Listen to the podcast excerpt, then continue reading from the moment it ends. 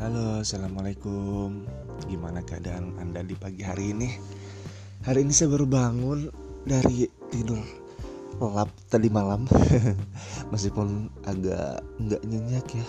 Entah kenapa beberapa hari ini tidurnya tuh agak sedikit tidak berkualitas dan berkuantitas. Gak tahu kenapa. Ya, padahal kemarin tuh agak capek banget di kerjaan, di kegiatan. Namun ketika sampai di rumah pun gak bisa istirahat dengan pulas. Mungkin Anda pernah ngalamin hal seperti itu?